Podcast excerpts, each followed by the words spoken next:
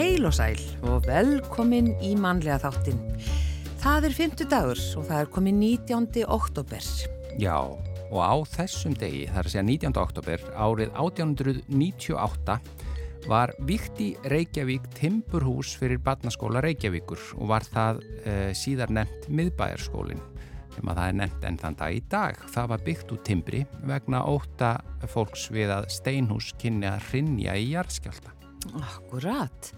Og svo var það einmitt að þessum degi 1918 að spænska veikin barst til Íslands og geisaði fram í desember og um fjögur til fimm hundru manns dóu af völdum hennar og það er svakalegt að, að, hérna, að lesa um þetta.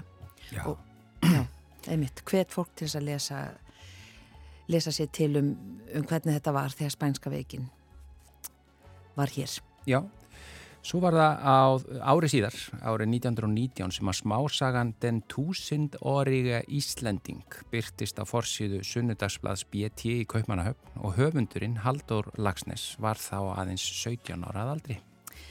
Nú og svo var það eh, 1985 að lægi Take On Me með norsku hljómsveitinni AHA náði fyrsta sæti á bandaríska vinsaldalistanum Billboard Hot 100 og uh, bara af því tilefni ætlum við að spila lægið í í dag aðeins síðar en var mjög eftirminnilegt myndband já, af því svona Mjög. teikna, teiknimynda eitthvað. ótrúlega bara já, flott myndband og ég man eftir þessum tíma uh, vegna þess að ég sá eitthvað þátt um þá í norska sjónvarpinu Já. á þessum tíma, það er, já, nokkuð langt síðan. þá voru þeir bara að lepja döðan úr skel í London voru að reyna að koma sér á framfæri Áður en að þetta lag slóði. Já, bara áttu allar fyrir mat og voru bara, já, voru bara að reyna að, eins og það heitir, að meika það Mm. og það tók á. Og ég meina, auðvitað fannst okkur gríðarlega mikil merkilegt að, að norðmenn væri þarna komin í toppsæti út um allan heim, sko, en í bandaríkjunum líka og svo komuð þeir hingað og spiluð og ég man ég fór eins og í lögataslaugina fór hon í pottin, steinapottin hann eða eitthvað og, og hérna það var eitthvað svo skrítin stemning í pottinum það var allir eitthvað svo meðvitaður og enginn að tala saman og svo áttæði mig á því að söngvari aha, satt út í hotni það var allir bara meðvitað að hann var voða flott og er rosa flott gaur sko var bara þögn í Það var bara þögn og allir að láta eins og ekkert væri. Já, við spilum þetta laga eftir. En yfir í efni þáttanins í dag. Já, e, bók ásins 2023 í Bretlandi er bók um breytingaskeiðið og breytingaskeiðið e, heitir bókin Jákvæður leiðarvísir að nýju upphafi.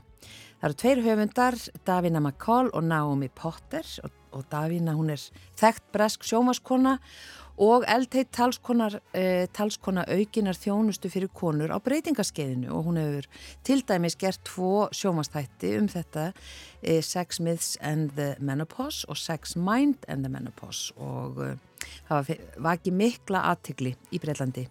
Og svo er það Naomi sem er sérfræðingur með vottun frá bresku samtökunum eh, British Menopause Society. Og hún er með tæplega tveggja áratugar reynslu sem læknir innan breska heilbriðiskerfisins eh, eftir Naomi heilsugjæslu lækningum og heilbriði kvenna. Og þetta eru sumsi höfundar þessara bókar en við ætlum bara að tala almennt um breytingaskeiðið við hana Halldóru Skúladóttur Hún hefur verið ötul talskona eh, bara allra málefna sem tengjast breytingarskeiðinu hérlendis og heldur úti fræðslu vettfangi sem heitir kvennaráð.is og einnig er hún meðlemur í samfélagi heilbyrðistarsfólks á heimsvísu sem vinnur að því að bæta heilsu kvenna á breytingarskeiðinu.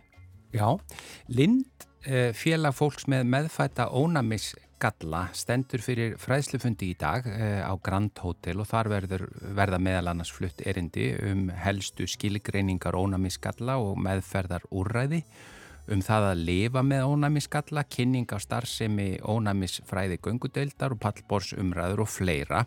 En við ætlum að fá þær Guðlugu Maríu Bjarnadóttur, formann Lindar og Sólrúnu Melkorku Makadóttur Lækni til þess að fræða okkur aðeins meira bara um ónæmisgalla, meðfætta ónæmisgalla uh, og, og því sem verður um rættum þarna á fundinum.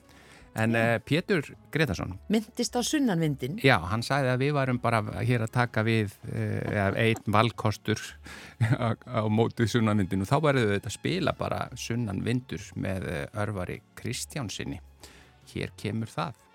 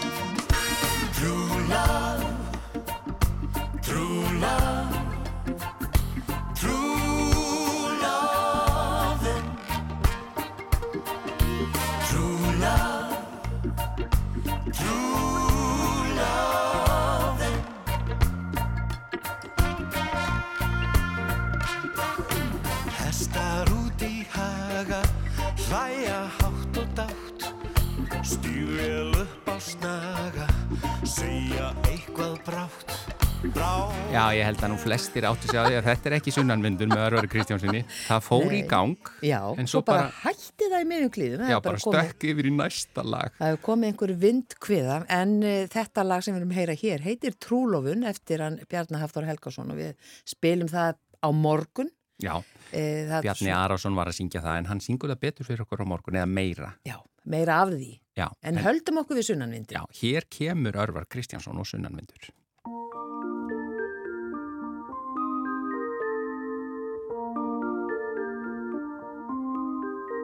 Sunnan vindur, svaraðu mér, segðu mér hvaðan þú kemur og fer. Taktu mig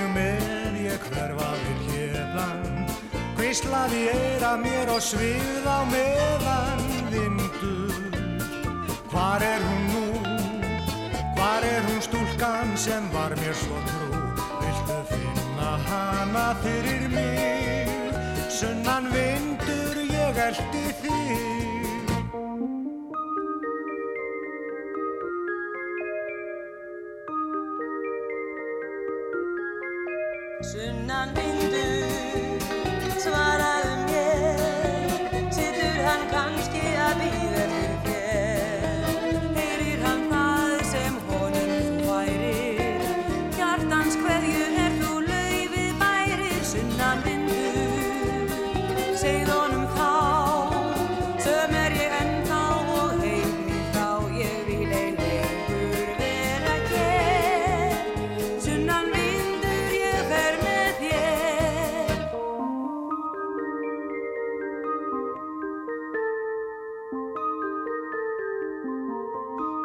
sunnan vindur svaraðu mér segðu mér hvaðan þú kemur og fer. Taktu mig með ég hverfa vil hérna hvislaði ég að mér og sviða meðan vindur. Var er hún nú? Var er hún stúlkan sem var mér svo trú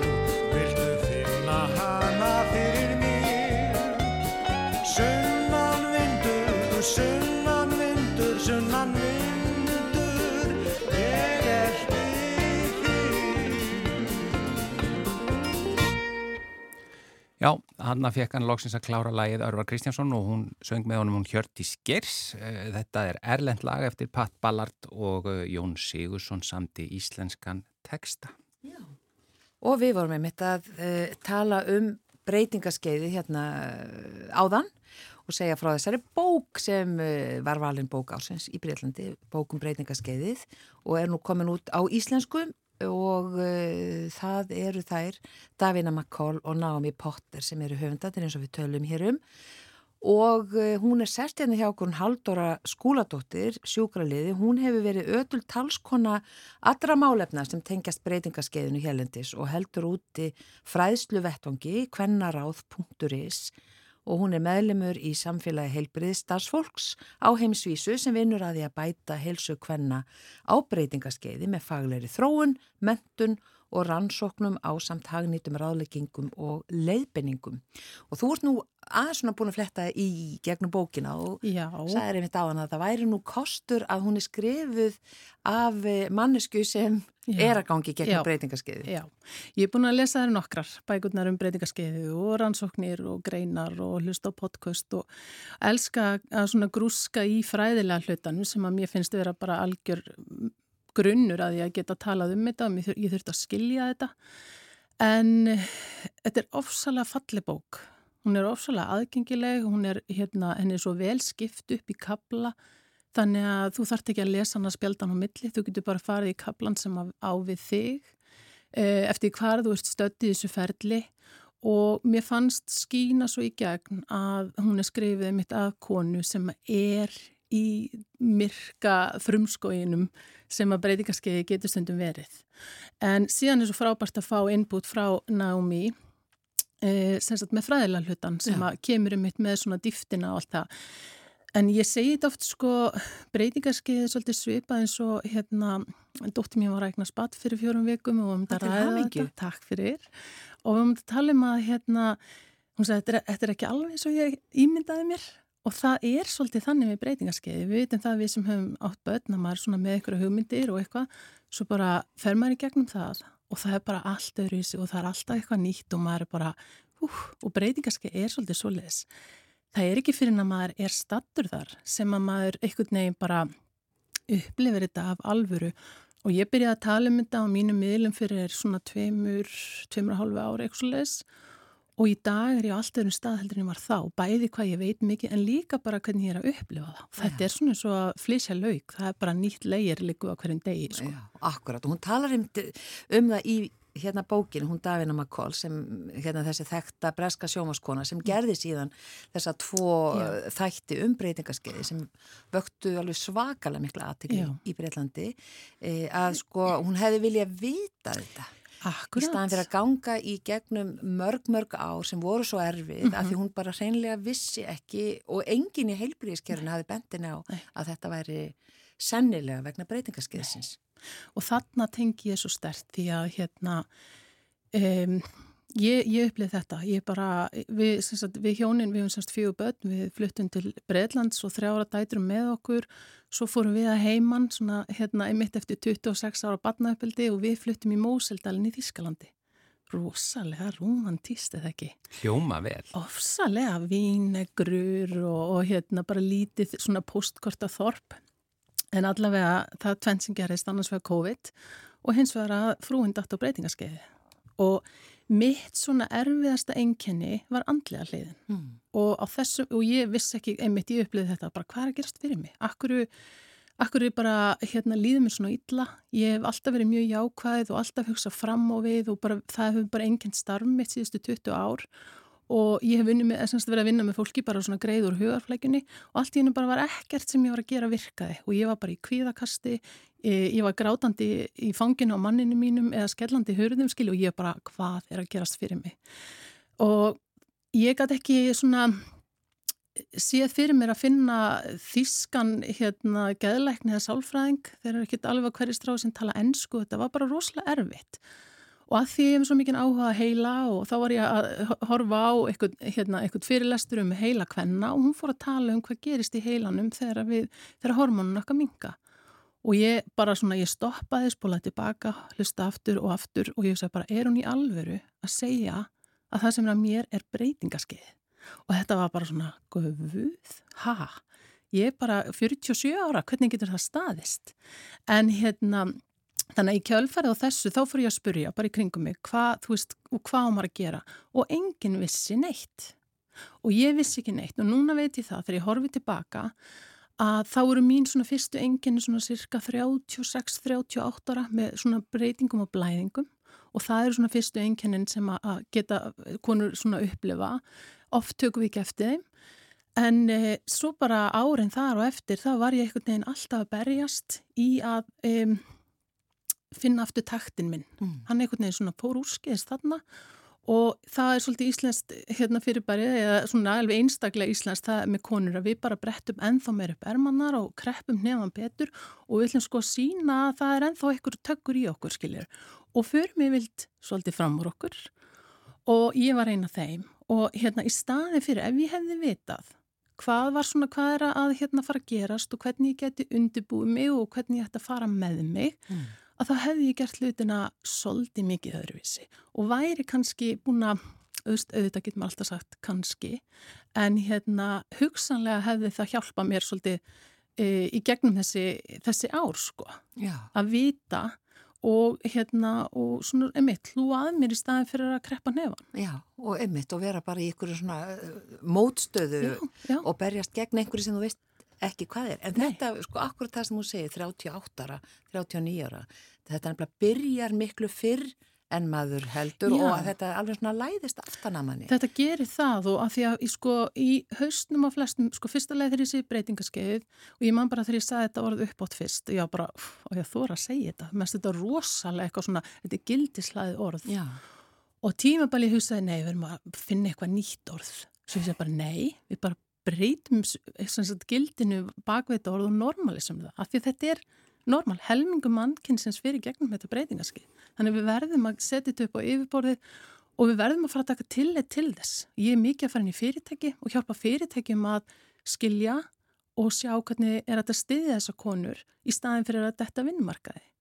Þannig að hérna Þannig að ég semst fór að tala um þetta þarna fyrst og það sem ég er svona kannski að hérna, sko við byrjum, það byrja hormonabreitingar svona jafnvel upp úr 35 ára, við, það er mjög letla kannski og við tökum ekki eftir því.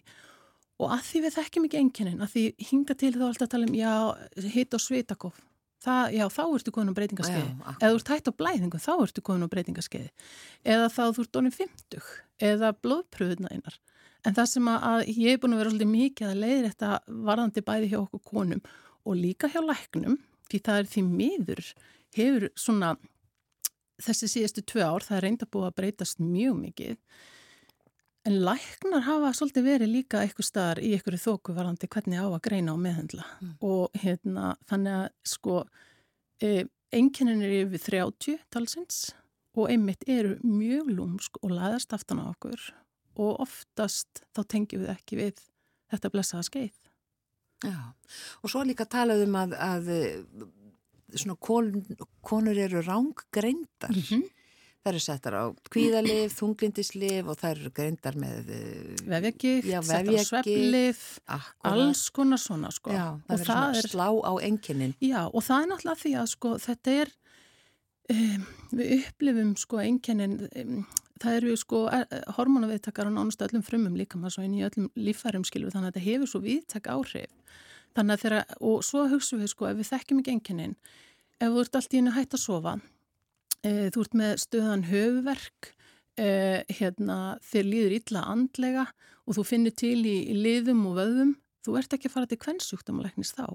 Þetta er ekki típisk enginni sem leitar með til kvennsjúkdamalæknis Þess vegna svo mikilvægt, númer eitt að við konur þekkjum enginnin en líka heimilslæknar mm. þekki þessi enginni því að þegar kona kemur með eitthvað svona að þá náttúrulega hérna, er að sjálfsögðu leitað í eitthvað sem hann svona þekkir og, og hérna er einmitt já hérna pröfuð alls konar og pröfum sveplið, pröfum gæðileif og hérna þú ruggla með vefjagikt og ég er ekki að segja að það eigi ekki við stundum en e, þegar kona er komin til dæmis segjum bara á þennan aldur svona 40 pluss 45 ára allavega, hefur til dæmis enga sögu um andlega vanhelsu, þá eiga geðlif aldrei að vera fyrsta meðferð. E, en þau geta alveg átt við líka, en það ætti allavega að pröfa þá hormónu uppbúta meðferð og sjá hverju það skilur og í mínu tilveiki þá bara fekk ég lífið mitt tilbaka. Já, þú fórst á hormóna? Já, ég fór á hormóna. Já. Fyrst var ég svona einmitt bara, þegar ég fatt að ég var komin og ég sé bara, og hvað? Og hvað er þá að gera? Þessir hormónar er náttúrulega stór hættuleg. Það er náttúrulega búið að tyggja það í okkur síðustu 20 ár út af ákveðni rannsók sem að hérna, fór svona hluti af henni fór í loftið í fjölmila og, og hérna spannst upp og, og hérna og allir því að á bara mjög stuttum tíma þá hættu konur að nota hormóna og læknar þorði ekki lengur að skrifa upp á.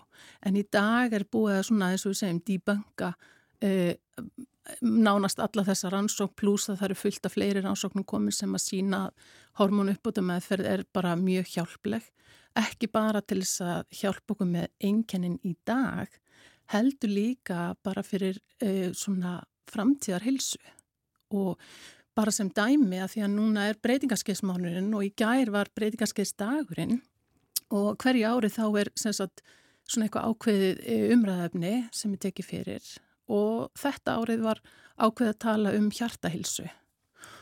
Og það er líka bleikur oktober og við erum alltaf sjálfsög að hvetja konu til að fylgjast með sér og fara í skimanir og svona.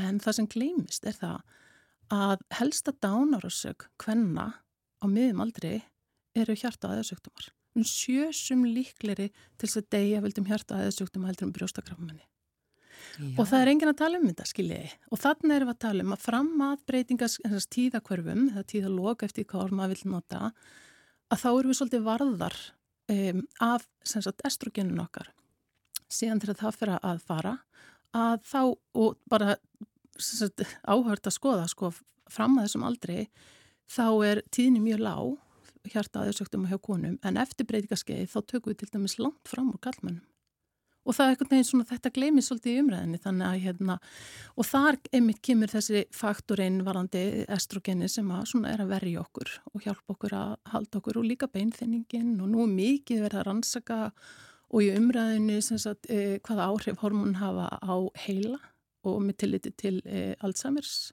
Að Já. Og svo er þetta estrogel og það er, það er alls konar, það er ekki bara tabla, nei, nei, nei, alls konar og sko. Svona gróflega sé þá skiptist hormónu upp út af meðferð, ég myndi segja svona aðal meðferðin skiptist í svona tvo flokka.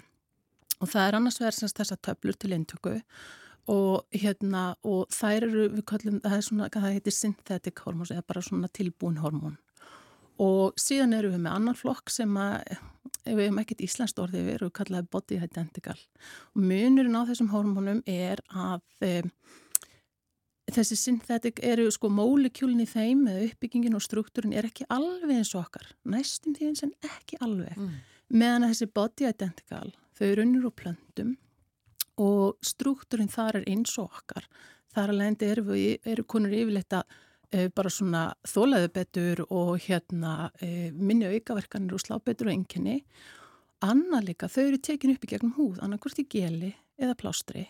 Og það sem gerist við það, þá tökum við út hennan örlittla áhættufaktor sem fylgir töflónum sem er e, blóðtapamyndun og að því að livrin þegar þú tekur upp í gegn húð þá þarf hún ekki að brjóta niður. Og ég sé alltaf við konu þegar hérna er eitthvað að spá í hormona þegar ég með fyrirlestra á svona hverjar hafa notað eða þekk ykkur á konu sem hafa notað getnavarnapillur það er náttúrulega nánast allar hendur sem fara upp. Ég meina unga stelpur fá þetta líku við í, hérna, í fermingagjöf skiluru það er allt tilbúinur hormonar og þeir eru miklu sterkar heldur en nokkuð tíma breytingaskeiðshormonar og engin blikkar auga Svo erum við komið með lífsamlandi enginni jafnvel sem er að ít okkur út af vinnumarkaðnum, við erum að hérna, týna sjálfum okkur, konur að, við erum að skilja, e, okkur líður bara ofbúslega illa, konur erum með sjálfsvíkshugsanir, það er sem tíðni sjálfsvíða til dæmis hjá konum er hæst á breytingaskeiðsaldri, ekki ungu konunar skilji og þá allt ég náttúrulega að fara að velta fyrir okkur hvort við höfum að taka hormóna eða ekki. Mm. Ég hef búin að taka í 10, 15, 20 ár. Akkurat. Mm. Takk, Eitt, sko einn, bara hérna spurninga því þú segir að, að sem að kannski svona nýlega hefur komið í ljósi allan undanfjöndum árum þetta með að, að þetta byrji svona snemma jafnvel mm -hmm. uh, og þá er það væntalega hormonabreitinga bara en ekki komnar á, á uh, mikið að herra stig mm -hmm. en er, er þá mögulega að konur jafnvel byrja á hormonum miklu fyrr til að koma í veg fyrir og gera uh, afleðingarnar minni eða hvað? Sko þetta er mjög góð spurning og hérna miða við svona, þá, svona uh, fræðinga sem ég er að fylgja og, og hérna þetta samfélag sem ég er í þá, sko, þá held ég og ég spái því að við förum jápil aðeins fyrr að fara á hormona uh, og þetta er bara mín spá eftir því sem að þekkingin hérna fer fram en að því að við erum svolítið götna að býða eftir allt sem komið í steik mm -hmm. og það eru kunna sem eru að koma til mín sem eru bara með lífið sitt í rúst og sjálfa sér í rúst og búin að jápil að fara til lækna Það er eitt sem er alveg einstaklega í töðunar með það er þeirra konur sem eru með sko tikka í öll bóksin yfir enginni að því eftir 45 ára þá er enginnalisti hérna aðal greiningatækið, ekki blóðpröfur að því að hormónin sveiblast þannig að það fyrir eftir hvað er að gerast í dag, hvað blóðpröfun segir og þeirra lækna segja að breytingaskeiði sé bara tískubóla. Eru læknar er, að segja já, það enn þann dag í dag? Já, og þetta já. er bara fyrir svona þrejum vikum þá var eh, hjá mig kona sem að var nýkominn frá lækni með öll enginni og hún fekk þetta framann í sig. Æ, breytingarski, þetta er nú bara tískubla að því að hún var ekki orðin 50 hún var ekki að hætta á blæðingum. Máli er að e, breytingarskeið er, er bara svona reglífa hugtak yfir hormonabreitingar í rauninni. Það er bara lífskeið sem við fyrir minna á allar Já. konur, hvort sem það er allar afnýtaði eða ekki. E, auðvitað upplifað á mismunandi hátt en hérna þetta eru svona þrýr fasar Er, er þá bara hægt að segja að þarna sé bara vankunnátt hjá lækni eða? Það er það. Og fordómar kannski? Fordómar og, og ég verða að segja það samt að svona á þessum rúmum tveim árun sem ég hefur að fá til minn konum, ég ætla í samskiptu konum daglega, mör, sko mörgum samtölum og það hefur breyst, það hefur orðið breyting til batnar en það var sérstaklega hérna fyrst, þá var, voru konur bara ganga veggi hérna fyrir tveimur árum en svo náttúrulega bara verða læknar það eru, og það eru mjög margir góði læknar, ég ætla bara að taka því fram og hafa margir kvennsjóknumlæknar verið í sambandi við mig og bara bæði rósað en líka spurt og beðum hvað er þú að, þú veist, hvað, hvar, hvert ætti ég að leita eftir skiljiði hérna nýjustu upplýsingunum mm. og það er, það, það er ekki við þá að sagast kerfið okkar og bara sem dæmi að í Breitlandi þar er svona mesta byltingin búin að vera einmitt út af henni til vínu sem skrifaði bókina og gerði þess að þætti sem er alveg stórkuslegir en e, það á, sagt, á næst ári 2024 þá verður loksni sett á námskrána í læknanáminu í Breitlandi kursum breytingaskeiði við erum að tala um 2024 Æja. sko Það er ekki eins og að séu margir sem er að glíma við þetta, bara helmingur mannkins. Nei, Já. bara helmingur, það minnir allt konur, skiljið. Þetta er allt konur, það, það gerir þetta bara, hérna, séðum þetta. Já, já. Reynda, hérna, ráða fram úr þessu. Býta á jakslinn bara já, og kreppa nefan. Og... Já. já, en þetta er mjög aðtrygglisvert og bara kæra þakkir, Haldur og skóladóttir, fyrir að koma hérna til okkar og við bendum að þennan vefðinn sem er kvennaráð.is og það er nú aldrei sætt að finna alls konar upplýsingar og svo þessi nýja bók Já. sem var valin bók ásins eh, 2023 í Breitlandi, bók um breytingaskeiðið, jákvæður leiðarvísir að nýju upphafi og hún er bara komin út í bókabúðir. Já, alveg frábær bók. Takk, Takk fyrir, fyrir Takk.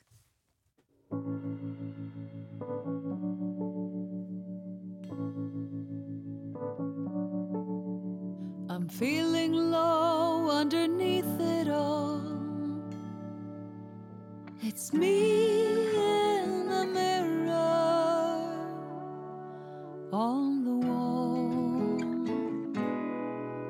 I rest my mind at night, all turns black. Nothing is anymore.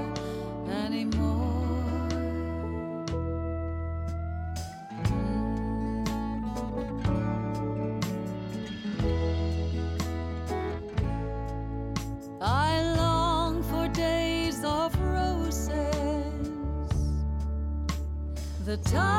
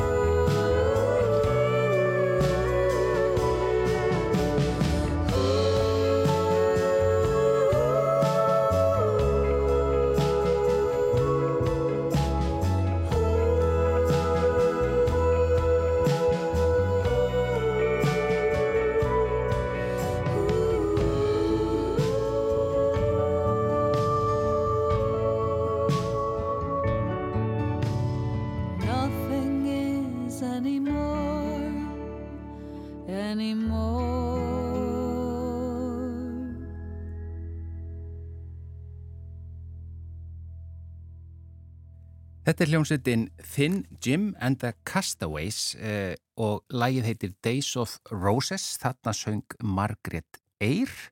Eh, lægið er eftir Jökul Jörgensen og, og eh, textin líka.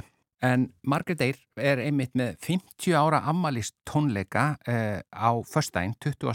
oktober í Bæjarbíu í Hafnafyrði. En eins og við sögum frá í upphafi þá ætlum við að fræðast aðeins um eh, það að vera með meðfætta ónamiskalla, eh, mótefna skort eh, og hingað eru, er komin eh, Guðlug Marja Bjarnadóttir, formaður Lindar félags fólks um, með meðfætta ónamiskalla og á línunni eh, er Solrún Melkorka Maggadóttir, læknir. Eh, byrjum aðeins bara á þér velkomnar báðar í, í mannlega þáttin. Takk. Eh, byrjum á þér Guðlaug. Eh, þetta félag eh, og, og kannski bara þetta eh, ónæmi skallar og er það þá og eða mótefnaskortur eða er þetta sami hlutur? Veistu það að þetta eru svo ótrúlega margir sjúkdómar í raunni undir þessar reglíf Já, að sko sumir e, fá sko síðbúin ónæmskalla eftir einhvern annan sjúkdóm og, og þetta er bara mjög fjölbreytilegt. Ég, ég legg það nú ekki mikið í vana mín að svara læknisfræðilegum spurningum en ég get sagt þið með mig til Já. dæmis að ég er með eitthvað sem kallast common variable immunity deficiency eða ónæmisgalli og fælif Mm. og ég hefði mjög gætna vilja byrja á minni með þess svona 30 árum fyrr. Já þú greinist svona sein. Ég greinist seint, ég greinist á eftir dóttu minni. Já, og en samt sem áður er, er þinn ónæmi skalli, er hann meðfættur? Sko, ég tel að svo sé því ég var bara svona eh, freka vesall krakkið og ég var í náttúrulega, þetta var ósvæmlega gott kombo, ég var nett ofvirk, þannig að þó ég var í lasin þá gerði ég eiginlega allt, eða svona flest. Já, Stundum leiði mamma mér ekki að fara út og mér fannst það mjög óviðegandi svo ég fór bara út um geimsluglugan eða eitthvað en ég var mjög virt barn og, og, og dugleg held ég en mjög oft á sulfa, pensilíni og ég var látið taka lísi og vítamin og borða fisk og ég held að þetta kombo hafi kannski bara haldið mig gangandi með einhverju móti en auðvitað er miklu betra að fá meðferð og, og getur bara tekið fullan þátt í samfélaginu og já. Það, ég meina það er þannig sem þetta lísti sér hér þér að þú varst gjötna á að fá uh, alls konar síkingar eða Fólk sem er með mótefnskort, það er miklu útsettara fyrir öllum tegundum af síkingum eða fjölbreyttum tegundum af síkingum. já, Og það náttúrulega, sko, þegar maður er orðin svona góður í að, sko, ná í lækna með leynilegum aðferðum og, og hérna veit hvað maður þarf eða veit að lækninu veita, að þá bara, þú veist, passa maður að taka pensilin ef maður er búin veikur í fjór dag með hafa neitt að maður er ekkert að býða eftir að láta sér batna. Því Já. það getur tekið rosalega langan tíma. Uh, Við erum nú búin að ná í hérna lækni eftir, eftir krókaleðum Já. Eh, Solrún Melkorka Makadóttir. Eh, hérna, þessi fræslufundur Lindar eh, um einmitt eh, meðfætta ónæmiskalla sem er í dag, eh, setna í dag á Grand Hotel, þar mynd þú ve- vera með erindi sem er akkurat þetta er bara það sem að, að ég er nefnilega held að ekki svo margir viti nákvæmlega hvað þetta allt saman er og þar er erindi þitt er bara helstu skilgreiningar á ónæmiskalla og meðferðarúræði, það er nú bara akkurat það sem ég langar að vita. Já, þetta er mjög, ég er rosalega ánægð með þessi fundur skulle verið í dag þetta er eitthvað sem okkur vantar virk, virkilega svona vitundar vakningu á að þessi gallar eru, þeir eru mjög fjölbreyttir eins og Guðlu var að nefna. Já, og þetta er allt frá því að vera vægari gallar sem eru frekar algengir að hægt er að segja. Sumir eru einn af hverjum 700 jafnvel með eitthvað svona vægari galla sem að valda þá mís miklu vandræðum og ofta ekkert miklum. Já, og svo eru færri sem betur fer sem eru með þá verri eða alvarlegri og víðtækari stundum ónæmiskalla þar sem að eru flóknari og erfiðari sýkingar og alvarlegri. Þannig að þetta er svolítið breytt svið og sjálfgefari gallanir eru stundum einn af hverjum 200.000 með bara mjög sjálfgefir þessi alvarlegastu sem Já, betur fer. þannig að það er bara 1-2 kannski á Íslandi Með þessa alvarlegustu Já. gerðir, já. Já. En aftur, það eru líka, maður er talsvært af fólki sem leynist og nákvæmlega eins og Guðljóð sæði, það er ótrúlega oft sem að maður finnur einhvern, ég er barnalækning sjálf, þannig að það er ótrúlega oft sem að maður finnur einhvern í fjölskyldinni, eldri einstakling, þegar maður fær börnin til sín og greinir þau með eitthvað svona. Já, þannig sem eru þá greint bara setna eins og, eins og guðlug, bara á fullónisaldri. Akkurat, já, bara á fullónisaldri. Þá er fólk búið að glýma við endutekna síkingar og, og oft er líka ekki, það má ekki gleyma því að það að vera alltaf að berjast í síkingar tekur þetta aldrei mikið toll af manni. Þannig að já. fólk er oft ekki orku mikið eins og guðleg er að lýsa, heldur bara á erfitt með að komast í gegnum dagana, sko. En, væntanlega ef þú ert ekki greindu fyrir hennar á fullónisaldri þá eru það Eh, kannski ekki alvarlegustu afbríðin eða hvað? Nei, alvarlegustu gallarnir sem eru svona ofsalega sjálfgeir eins og ég vitnaði áðan, það eru náttúrulega gallar sem að þú fær bara lífshættulega síkingar strax bara stutt eftir fæðingu og fyrstu vikum og mánuðum æfinar. En Guðlaug, hvað hva, hérna, hvað breytist í þínu lífi og hvað þurftu þú að gera eftir að, að þú varst greint? Þá fór ég bara beint á meðferð. Ég menna það þurftur að vera og þarfst að vera stöðugt á livjum eða... Ég er bara á þryggjafinu fresti, þá Já. fer ég bara, það er mjög hvað fólk þarf að fá mikið sko Já.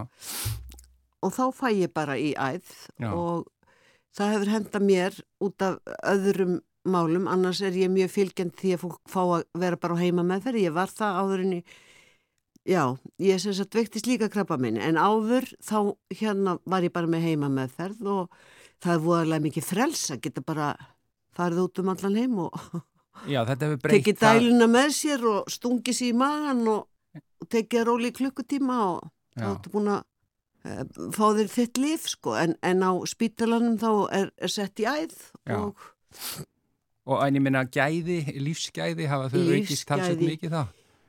Sko, já, já, lífsgæðin er náttúrulega mun færri síkingar þó ég sé nú mjög dugleg í þeim. Já.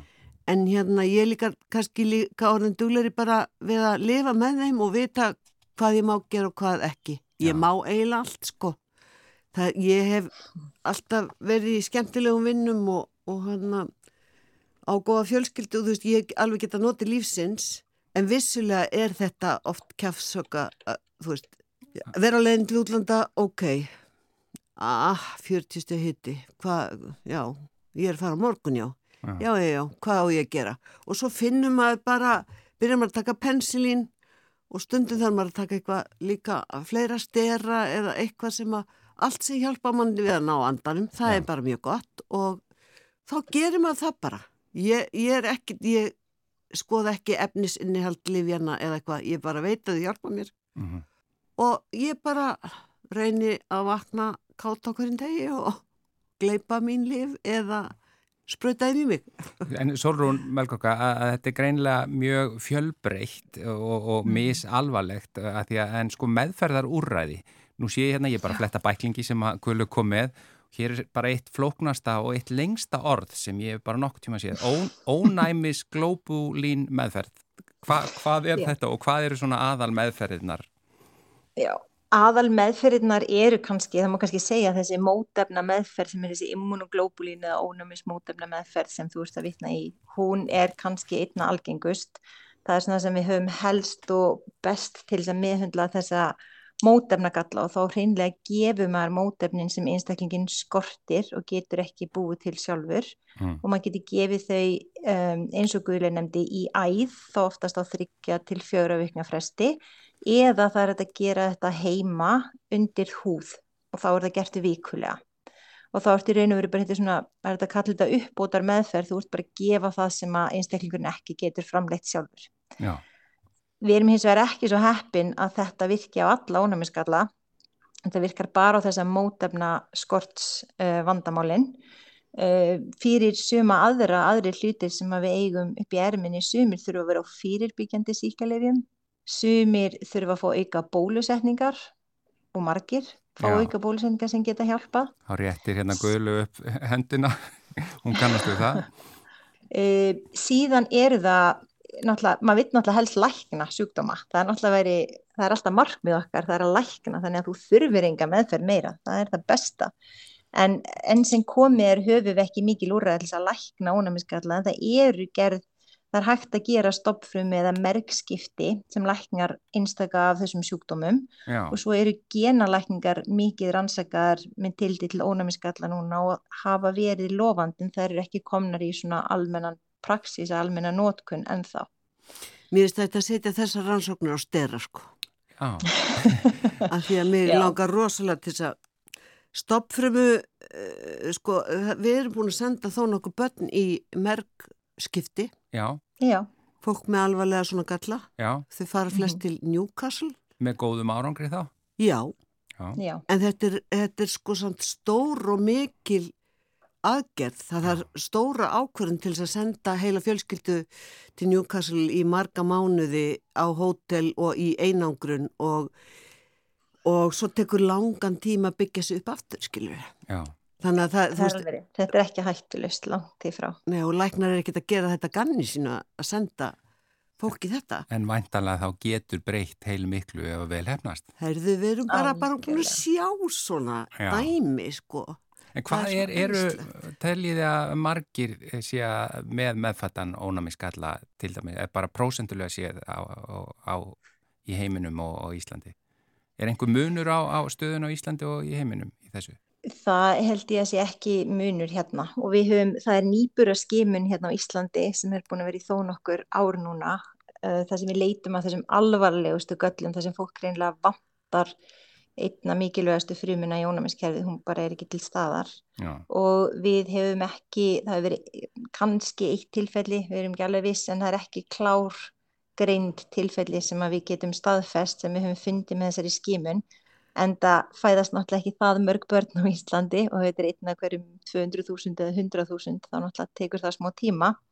En þetta er samt svo alvarlegir gallar og það er þá heilt mannslíf sem er að hugsa um að bjarga þannig að skimunin er ennþá í gangi og mun vera áfram í gangi.